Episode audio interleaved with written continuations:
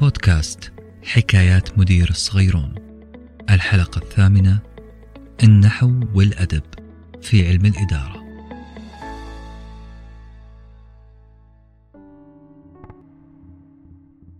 الأوكسيمورونز في دهاليز الممرات وغرف الاجتماعات. كتب هذه الحلقة الأستاذ محمد النفاعي وقدمها صوتيا أنس بن حسين. اللغة العربية تتميز عن اللغات الأخرى بالوفرة في الصور البيانية والأساليب البلاغية زي التشبيه، الكناية، الاستعارة، المجاز، الجناس والطباق. في محاولة مني لإيجاد صور بيانية نفسها في اللغة الإنجليزية لفت انتباهي كلمة أوكسيمورون هي كلمة أصلها يوناني قائمة على الثنائيات اللي تجمع بين المصطلحات المتناقضة عشان تكون معنى آخر جميل وذا مغزى وأقرب مثال عشان تتذكرون ال oxymoron هي كلمتي pretty ugly. ugly معناها بشع و pretty معناها جميل. لكن في اللغة الإنجليزية توظف كلمة pretty بمعنى جدا. فأصبحت الكلمتين معناها بشع جدا. هذا التناقض اللي كون ال oxymoron. وجدت أنه أقرب ترجمة لمصطلح ال oxymoron في اللغة العربية هي التناقض اللفظي. وأقرب ما يقابلها في الصورة البيانية في اللغة العربية هو الطباق يعني الجمع بين الكلمة وضدها في المعنى. ال oxymoron يستخدم كثير في الأدب بأنواع الأدب المختلفة زي النثر المسرح والشعر. أما النوع الأكثر شيوعا أو التركيبة اللغوية الأكثر شيوعا في هذا التناقض اللفظي هو الصفة متبوعة باسم. لكن المفاجأة أني وجدت أن هناك علاقة بين الأوكسيمورون وأخلاقيات العمل الوركن ethics. شخصيا بعد ما أبحرت في بعض إن صح التعبير الأكسيمورونات البلاغية استرجعت الكثير من القصص الواقعية في بيئة العمل. هي قصص تحدث في كثير من الأحيان بين الدهاليز والممرات داخل غرف الاجتماعات. المجتمع الوظيفي مليان أحداث وقائع اللي نقدر نوصفها لغويا باستخدام الأكسيمورون أو التناقض اللفظي. وإحنا نستخدم التناقض اللفظي هنا عشان نختصر كثير من الدروس والعبر. لذلك راح نحاول اليوم أن نطرح بعض الأكسيمورونات البلاغية وما يقابلها من قصص واقعية تمس أخلاقيات العمل. أملا أن تنير الفؤاد للتصرف الأمثل حيالها في حال حدوثها لك يوما ما. خلونا نبدأ نكشف أسرار بيئة العمل ببعض الأكسيمورونز. رقم واحد. الصدفة المقصودة. Intended coincidence. أتذكر في يوم ما وقد كنت تحت التدريب عندما أوكل لي رئيسي المباشر الرئيس الأجنبي. أوكل لي مهمة حضور أحد الاجتماعات الدورية لأعوض غياب أحدهم. كان الاجتماع لمناقشة مراحل تنفيذ واحدة من المشاريع الكبيرة جدا. وقال لي لا تقلق راح أكون معاك متواجد في نفس الاجتماع. لما جاء دورنا عشان نتكلم فوجئت بأن رئيسي يأمرني بالتعليق على الرغم من أنها المرة الأولى اللي أحضر فيها اجتماع مهم بالشكل هذا وما كنت ملم بالتفاصيل. ما كنت مستعد لكني تكلمت بما كنت أعرف. بعد كذا تدخل رئيسي وأسهب في الإجابة. وهنا قفز إلى ذهني ما قاله جبران خليل جبران عن الصدفة. ربما تقودك صدفة لم تكن تفكر بها إلى واقع لم تكن لتفكر به. تعلمت من هذا الأوكسيمورون الصدفة المقصودة أن أكون مستعدا لهذه الصدف وذلك بالتسلح بالمعرفة قليل من الجراءة والاستعداد النفسي لاتقاء بعض الصدف المقصودة المحرجة نوعا ما. الأوكسيمورون الثاني وحيد بين الناس lonely among people. في واحدة من الاجتماعات الإدارية مع وجود مجموعة من الزملاء في هذا الاجتماع دار نقاش عن تطورات إحدى المشاريع اللي كنت أنا مديرها. كان المشروع يعاني من بطء في التنفيذ في إحدى مراحله.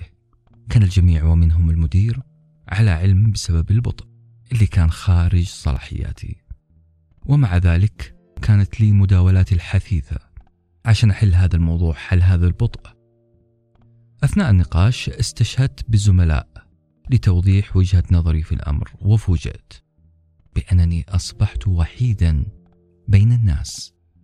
الزملاء أصابهم خرس مفاجئ لم يكترثوا بالمثل القائل الساكت عن الحق شيطان أخرس. هذا الأكسيمورون هذا التناقض اللفظي اللي هو وحيد بين الناس يعلمنا ألا نعتمد كثيرا على المنافسين وقت الأزمات وإن ارتدوا دائما لباس الفضيلة وقت الرخاء الأكسيمورون الثالث أعصاب من حديد Iron Nerves. المدير جاء طلب لتنفيذ إحدى المشاريع اللي تدخل ضمن صلاحياتي أنا. أرسل لي الطلب وبعدها بشوية جاني إلى المكتب وطلب مني ألا أنفذ المشروع بسبب شح الموارد. بعد ما وافقت وما نفذت المشروع فوجئت بأنه أوكل المهمة لأحد الأشخاص الآخرين من دون استشارتي هنا انصهر الحديد. هنا انفلتت الأعصاب. وفي النهاية خسر الجميع. أصدقائي ما أجمل أن نتحاشى الحرارة لأنها تصهر الأعصاب. والأفضل أننا نتعلم مهارة التفاوض وبث روح الفريق بين الموظفين وتطبيق قاعدة مهمة. قاعدة التعاون المربح للجانبين. Win-win situation أو بالأصح all win الجميع يربح. نحتاج فعلا أن نطور في ذواتنا مهارة التحكم في الغضب زي ما جاء في الحديث الشريف لا تغضب. كذلك نقدر نطلع على كتاب جميل عنوانه الغضب في العمل تعلم فن إدارة الغضب في الوظيفة للكاتب المعروف هنري ويسنجر الأوكسيمورون الرابع النمو صغيرا. Growing smaller. أحد الزملاء على الرغم من إمكانياته العالية ومهاراته العظيمة والعملية مرت عليه سنوات عجاف في وظيفته. ولسان حاله يقول دع المقادير تجري في أعنتها ولا تنامن إلا خالي البال ما بين غمضة عين وانتباهتها يغير الله من حال إلى حال. كان زميلي هذا ينتظر شيء يحدث. نعم نحن مع التفاؤل بلا ريب ولكن النجاح يا جماعة يحتاج إلى عمل وعمل دؤوب يحتاج إلى تحريك الجبنة. زي ما جاء في كتاب من الذي حرك قطعة الجبن الخاصة بي. الركون والاستسلام للأمر الواقع ليس هو الحل. هذا الزميل بعد أن أدرك الواقع المرير وهو النمو صغيرا مقارنة بإمكانياته العظيمة. هذه الإمكانيات التي لم تقدر كما يجب. من أرباب العمل. هذا الرجل عمل وسم أو تاج وهذا التاج عن أحد أنواع المعرفة ركز عليها كثيرا أتقنها وتميز فيها أكاديميا ومهنيا. نجح هذا التاج وانفتحت له فرص النمو المهني وانتقل إلى وظيفة أخرى وحلق بها عاليا كأنه طير للتو انطلق من قفصه. هذا الشيء يعلمنا أهمية أنك تحسم وتقرر مسار حياتك بنفسك في وقت مبكر. لا مانع من أنك تتوه قليلا أنك تسأل أنك تطلب المساعدة من رؤسائك. فهم عندهم الخبرة الكافية عشان يعرفونك عن نفسك عن اهتماماتك المهنية والشخصية. الأوكسيمورون الخامس بداية النهاية The beginning of the end. صديقي إن وجدت نفسك ما تستمتع بما تفعل وأنك قاعد تستنزف طاقاتك وطاقات من يساندونك بدون تحقيق أي فائدة مالية أو نفسية أو مهنية أو علمية. لا لك ولا لمخدوميك أو مؤسستك. ببساطة تقدر تقول لنفسك هذه بداية النهاية. هذه مرحلة مهنية حرجة في مسارك الوظيفي. مقاربة لما يسمى بالنسبة لبعض الناس اللي يسموها أزمة منتصف العمر. أكبر خطأ يقع فيه المدراء في هذه المرحلة؟ هو التخلي عن مسؤولياتهم القيادية والمهنية بتبني مفهوم القيادة الذاتية autopilot وال autopilot هذا هو أسلوب نختصره في كلمتين أو مثل عربي معروف يقول ترك الحبل على الغارب. إنك تترك المكان يدير نفسه بنفسه. ومو بس المدراء حتى الموظفين ممكن يتركون الحبل على الغارب عندما يظهرون علامات تقاعس عن إنجاز مهامهم. وأن يتبنوا أخلاقيات عمل سلبية جدا. كلا الطرفين المدراء والموظفين يعتقدون أنه هذا التقاعس أو هذه اللامبالاة في الإدارة أثرها عليهم فقط وليس على من حولهم وهذا اعتقاد خاطئ جدا. الضرر راح يمس الجميع وفعلا هذه هي بداية النهاية. وكما يقال من السهل أن نتفادى مسؤولياتنا ولكن لن نستطيع أن نتفادى النتائج المترتبة عن هذا التفادي. الأكسيمورون السادس نيران صديقة Friendly Fire. نسمع كثير بمصطلح النيران الصديقة وخاصة في كرة القدم عندما يسجل المدافع هدفا في فريقه. نسمع كذلك أثناء احتدام المعارك نتيجة الضغوط الكثيرة التي يمر بها الجنود. في بيئة العمل كمان ممكن تأتيك نيران صديقة من أقرب زملائك في العمل. لأن البعض قد يتخلى عن القيم عن الفاليوز إذا المنافسة احتدمت. والأدهى والأمر إذا جاك ممن هم من أصدقائك. الحل الأمثل عشان تتقي هذه النيران الصديقة هو التواضع في وضع سقف التوقعات عن الآخرين في بيئة العمل. وآسف أني أقول الكلام ده لكن هذا الواقع.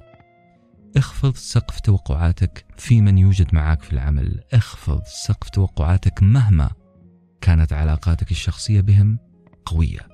عشان لا تصطدم بالواقع. وإن استطعت سبيلا لا تعمل تحت قيادة أصدقائك المقربين. لأن واحد منكم راح تمسها النيران الصديقة شئت أم أبيت. بقصد أو دون قصد. إلا إذا كان هذا خيارك الوحيد. Your only choice. وهذا بحد ذاته oxymoron غريب. أصدقائي نكتفي بهذه التفاصيل عن ال oxymorons أو التناقض اللفظي. ونذكر لكم بعض الأمثلة عنها في عجالة. للإبحار بخيالكم مع ما مر بك من أحداث. زي اللدغة الحانية مثلا. زي تأجيل الأولويات. زي المساهم السلبي. أو السقوط واقفا. كل هذه oxymorons أعتقد تحتاج تفكر فيها شوية. لأنها حصلت لك في يوم من الأيام. وختاما حاولنا من خلال هذه ال oxymorons أن نقدم دروس واقعية من بيئة العمل وعن كيفية التعامل معها مما يساعدنا على تجاوزها بأقل الخسائر للأفراد والمؤسسات على حد سواء. هذا البودكاست يقدم علم من الرأس إلى البودكاست.